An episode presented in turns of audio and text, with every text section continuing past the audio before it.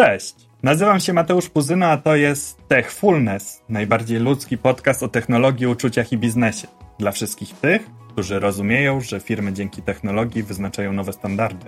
Obiecuję, że nie odpuszczę, dopóki nie zrozumiem. Zapraszam. Jak chronić to, co dla nas najcenniejsze? Dlaczego w systemach zapewniających nam bezpieczeństwo ważniejsza jest niezawodność, a niekoniecznie nowoczesność? O tym, ile warte jest nasze bezpieczeństwo, porozmawiam z Arturem Górskim z Siemensa. Techfulness. Technologia, uczucia i biznes. Arturze, spotkaliśmy się dzisiaj po to, żeby porozmawiać o tym istotnym i chyba najważniejszym w naszym życiu temacie, jakim jest bezpieczeństwo. Dlaczego bezpieczeństwo jest ważne? To pytanie wydaje mi się być retoryczne i nie tylko z perspektywy osoby, która jest odpowiedzialna za i zajmuje się bezpieczeństwem, ponieważ na każdym kroku, na każdym etapie naszego życia bezpieczeństwo jest dla nas bardzo istotne. Na początku o nasze bezpieczeństwo dbają nasi rodzice, potem w okresie dojrzałości my przejmujemy ten obowiązek, aż dochodzimy do momentu, kiedy tym bezpieczeństwem musimy też przekazać naszym dzieciom, zapewnić naszym dzieciom. Ja bezpieczeństwo rozumiem jako zabezpieczenie się na ewentualność wystąpienia niepożądanego zdarzenia. Na przykład jak wybieram się na narty czy na wyjazd rowerowy, zawsze kupuję rozszerzony pakiet ubezpieczenia. Dokupuję ubezpieczenie OC odpowiedzialności cywilnej, jeżeli byłbym sprawcą na przykład jakiegoś zdarzenia. Tutaj niezależnie od naszego doświadczenia, niezależnie od umiejętności, które oczywiście też mają wpływ na to ryzyko, Zawsze musimy się zabezpieczyć na coś nieoczekiwanego, nietypowego. Ja kilkanaście razy już wyjeżdżałem na takie wyjazdy, jeszcze nie miałem okazji skorzystać z tego ubezpieczenia. Natomiast nie uważam, że to była inwestycja i przysłowiowe wyrzucenie pieniędzy w błoto, ponieważ to poczucie bezpieczeństwa, które miałem, ten spokój, myślę, że był bezcenny. Co poza życiem i naszym bezpieczeństwem możemy jeszcze chronić? Poza życiem i zdrowiem, które oczywiście z perspektywy jest najważniejsze, chronimy również mienie. Takim mieniem mogą być na przykład dobra kulturalne zgromadzone w muzeach, infrastruktura krytyczna, takie jak na przykład elektrownie, zakłady przemysłowe czy struktura teleinformatyczna. Również takimi obiektami są na przykład szpitale, wszelkiego rodzaju budynki użyteczności publicznej. Wiemy już, że bezpieczeństwo jest istotne, że możemy chronić nie tylko nasze zdrowie i życie, ale również nasze mienie. Powiedz, jakie są technologie, które zapewniają nam bezpieczeństwo? No to już rozumiem, że dopytujesz mnie o technologie takie z życia codziennego. Tak, dokładnie tak. To myślę, że takim dobrym przykładem jest system SOS, zwany również eCall, który jest zainstalowany w najnowocześniejszych samochodach. System ten w przypadku zdarzenia, wypadku najczęściej, wzywa służby, podając namiary na podstawie danych GPS miejsca wystąpienia zdarzenia, kierunku jazdy, ilości pasażerów. Taki system jest aktywowany w wyniku wybuchu poduszek powietrznych, bądź może być również aktywowany ręcznie. Jakieś jeszcze przykłady z życia codziennego? Kolejnym dobrym przykładem jest, zwłaszcza w kontekście ostatnich zmian w prawie o ruchu drogowym, gdzie pieszy zbliżający się do przejścia ma pierwszeństwo, to żeby zapewnić mu bezpieczeństwo przy pokonywaniu przejścia dla pieszych zostały zainstalowane dodatkowe światła w kolorze czerwonym, które informują kierowcę o tym, że ktoś jest w pobliżu pasów. Miejsce przejścia dla pieszych jest dodatkowo oświetlone. Pozwalają mu być lepiej zauważonym. Dokładnie tak. Ale pozwól, że jeszcze wrócę do naszej wcześniejszej rozmowy, kiedy rozmawialiśmy o ubezpieczeniu. Kiedy powiedziałem, że wykupiłem ubezpieczenie, nigdy z niego nie skorzystałem. Podobnie jest z systemami sygnalizacji pożarowej, systemami bezpieczeństwa pożarowego. One są projektowane w ten sposób, żeby właśnie nie były widoczne, żeby nie przyciągały uwagi, żeby zadziałały tylko w jednym określonej sytuacji prawdziwego zagrożenia. Techfulness technologia, uczucia i biznes. No dobra, Artur, ale jak mi jako laikowi wytłumaczysz, co składa się na te systemy bezpieczeństwa pożarowego? Systemy bezpieczeństwa pożarowego stanowią grupę systemów, które ze sobą współdziałają. Takim podstawowym systemem jest system sygnalizacji pożarowej, w skrócie SSP, bądź SAP jako system alarmu pożarowego. Jest on odpowiedzialny za wykrycie na jak najszybszym etapie pożaru, zaalarmowanie celem ewakuacji osób i przekazaniem sygnału do straży pożarnej. Co jeszcze się na nie składa? Kolejnym systemem, który mocno współpracuje z tym systemem jest dźwiękowy system ostrzegawczy. Tutaj w przypadku wystąpienia alarmu system sygnalizacji pożarowej przekazuje do dźwiękowego systemu ostrzegawczego informację o miejscu wystąpienia pożaru i dla tej strefy, dla tego obszaru jest nagadawany komunikat o ewakuacji. Wiem też, że na ten system składa się system oddymiania. Tak, system oddymiania jest odpowiedzialny za usunięcie dymu, usunięcie toksycznych oparów i ciepła z dróg ewakuacyjnych. Zapewne zauważyłeś u siebie w bloku, że charakterystyczny pomarańczowy przycisk z napisem oddymianie właśnie jest jednym z elementów tego systemu. Wiem na pewno, że jest czerwony. Super. Czerwony jest właśnie elementem systemu sygnalizacji pożarowej. Jest to tak zwany ROP, czyli ręczny ostrzegacz pożarowy. Służy on do tego, żeby ręcznie wyzwolić alarm w centrali. Czyli jeżeli będziesz świadkiem pożaru, naciskasz taki przycisk. Czy ja dobrze rozumiem, Arturze, że to dym jest dla nas bardziej niebezpieczny niż płomień? Jak popatrzymy na statystyki, to niestety tych przypadków śmiertelnych najwięcej jest w wyniku zatrucia dymem niż osób, które zginęły w żywym ogniu. Czyli ten system oddymiania po prostu zwiększa moje szanse na przeżycie pożaru. Dokładnie tak. Żeby zamknąć wątek taką klamrą, jeszcze uzupełnię, że istotnym systemem bezpieczeństwa pożarowego są systemy gaszenia. Systemy gaszenia, czyli stałe urządzenia gaśnicze, w skrócie SUG, a one są odpowiedzialne za ochronę mienia przede wszystkim. Odnajdujemy je w pomieszczeniach takich jak serwerownie, centra przetwarzania danych, pomieszczenia rozdzielnic elektrycznych, ale również te systemy wykorzystujemy do zabezpieczenia np. wystaw w muzeum. Mój kolega z pracy przyszedł kiedyś do mnie z jakimś płynem w naczyniu. Ja myślałem, że to woda oblał mój komputer i zaczął się śmiać. Wiem, o którym płynie mówisz. Jest to produkt opatentowany przez amerykańskiego producenta i jest to nowek firmy 3M i faktycznie jest to substancja, która jest używana właśnie do gaszenia. Ona w temperaturze pokojowej jest w postaci płynnej i jest to środek gaśniczy, który jest nieprzewodzący. Dlatego zazwyczaj jak na konferencjach prezentujemy ten środek, to tak dla takich niedowiarków pierwszym testem jest poproszenie o przekazanie telefonu i do naczynia, który jest wypełniony tym płynem, wrzucamy taki telefon. No, mina właściciela telefonu jest bezcenna, zwłaszcza w momencie, kiedy oddajemy mu telefon i jest nadal pełni sprawny. Czy ja dobrze rozumiem, że to jest taka woda, która pozwala nam gasić elektronikę? Dokładnie można tak przyjąć. Techfulness. Technologia, uczucia i biznes.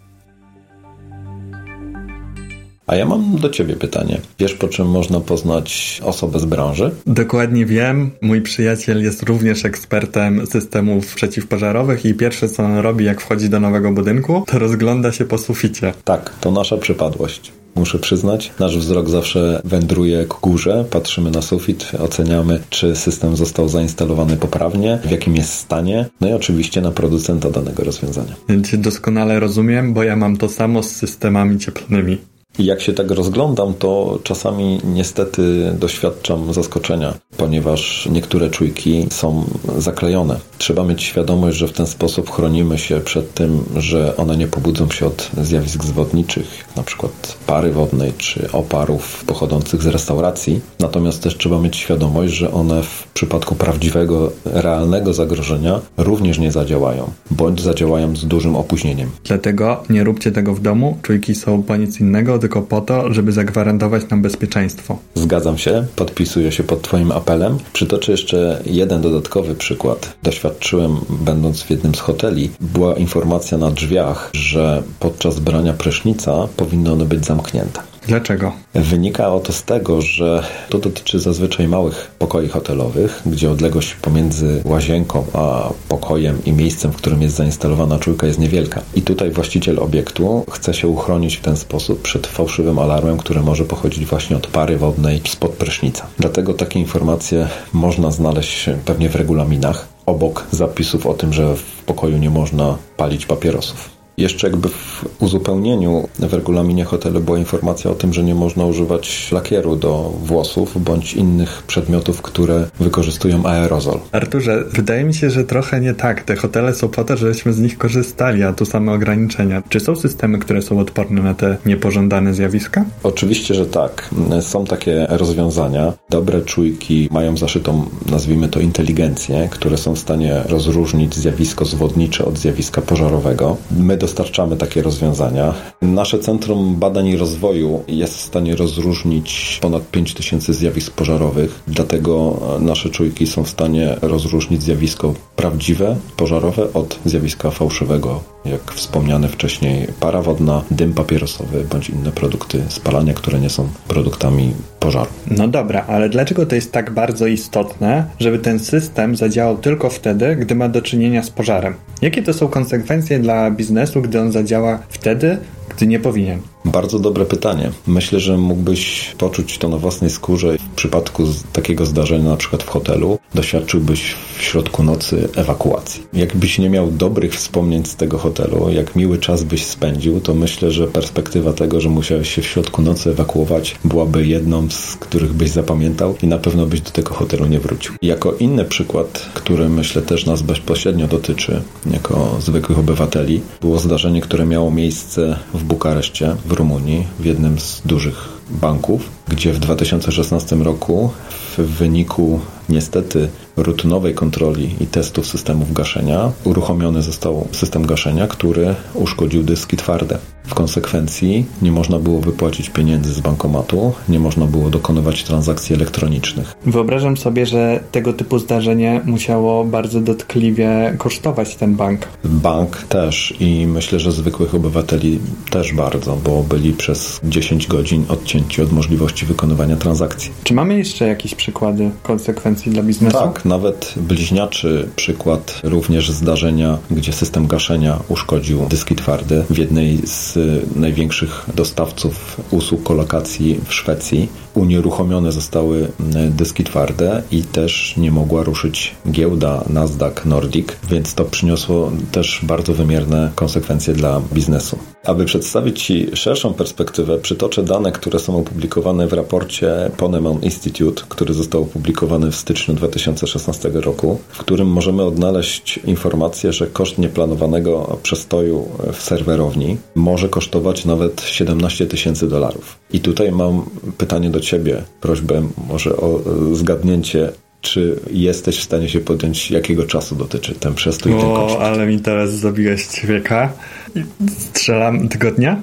No niestety jesteś daleko, daleko od danych. Jest to koszt za jedną minutę. Przystoju serwerów? Dokładnie tak. Czy wiesz, że na przykład to kolejna informacja, która została opublikowana w magazynie Brand Actuel, że około 70% firm, które zostały dotknięte poważnym pożarem, wypada z rynku w przeciągu trzech lat? Najczęstszą przyczyną są przerwy w działalności, które uniemożliwiają dotrzymanie terminów dostaw i prowadzą do utraty klientów oraz utraty zaufania dla tych firm. Takim przykładem, które myślę, że dotknął nas wszystkich, to była ostatnia awaria usług Facebooka i jego aplikacji, takich jak Instagram, WhatsApp, Messenger. Ta usługa była niedostępna przez około 6 godzin. Nadal jakby nie mamy pełnej informacji, co było przyczyną. Pożar bym wykluczył, natomiast chciałbym podkreślić, jak kosztowny może być przestój w dostępie usług. Z informacji, które można przeczytać, to Facebook stracił na tym incydencie 6 miliardów dolarów. Techfulness. Technologia, uczucia i biznes.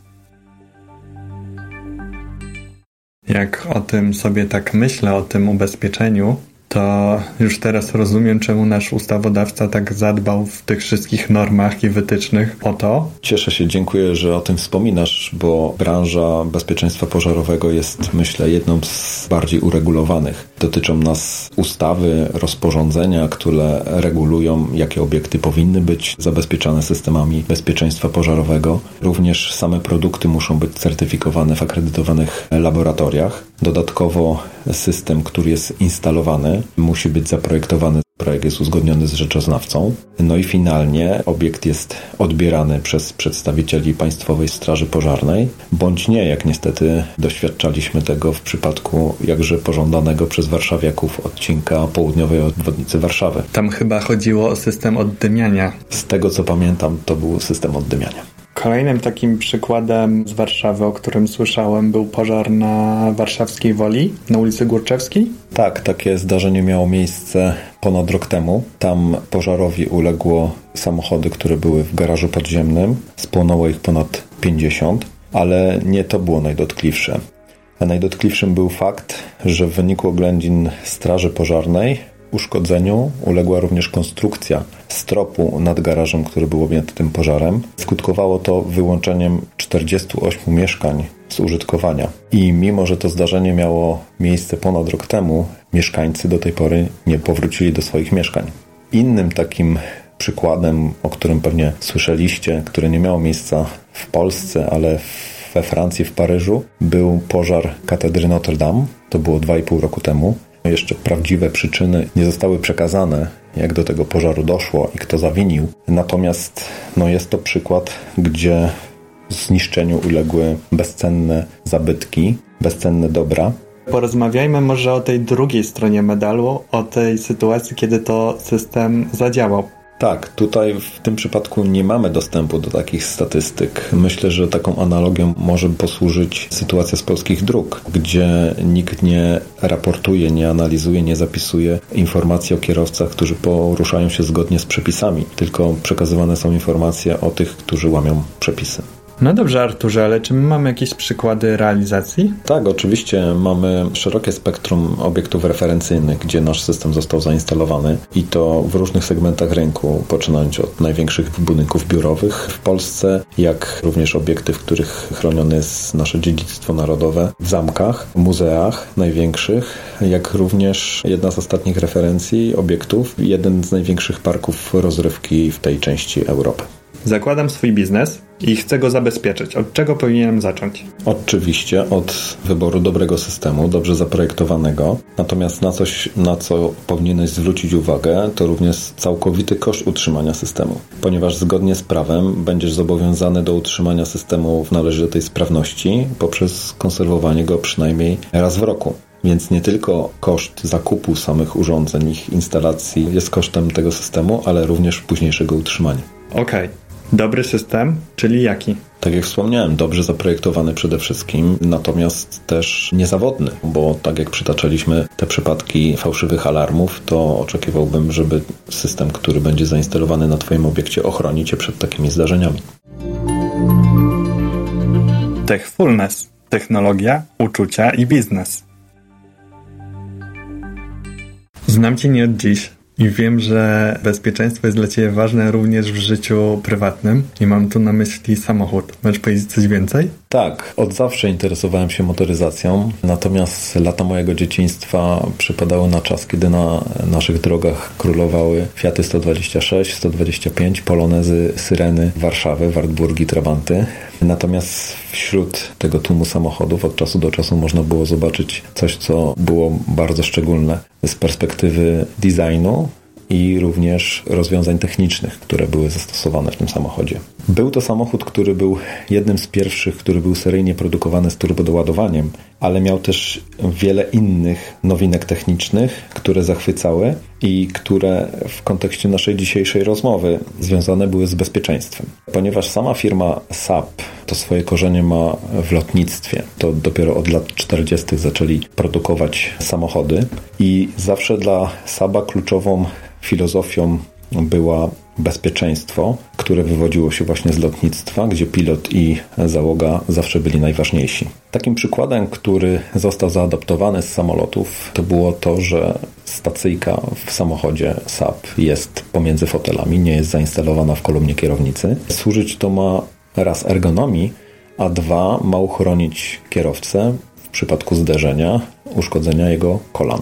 Samochody SAP były też również projektowane tak, żeby zwiększyć szanse przeżycia podróżujących w czasie czołowego zderzenia z łosiem, ponieważ Szwecja znana jest z tego, że łosie tam przebywają, przekraczają drogę. Spełniłem swoje marzenie, które za mną ciągnęło się od wczesnych lat dzieciństwa. No i mogę powiedzieć, że jestem szczęśliwym posiadaczem samochodu SAP 900 w wersji Classic. Nie, jak tego słucham, to wiem, że marzenia są po nic innego, tylko po to, żeby je spełniać. Tak, no warto czekać, tak jak w moim przypadku, długie lata, żeby je spełnić. Na koniec proszę moich gości o takie przesłanie, taką puentę naszej rozmowy, z którą to chciałbyś, żeby słuchacz wyszedł z naszego spotkania.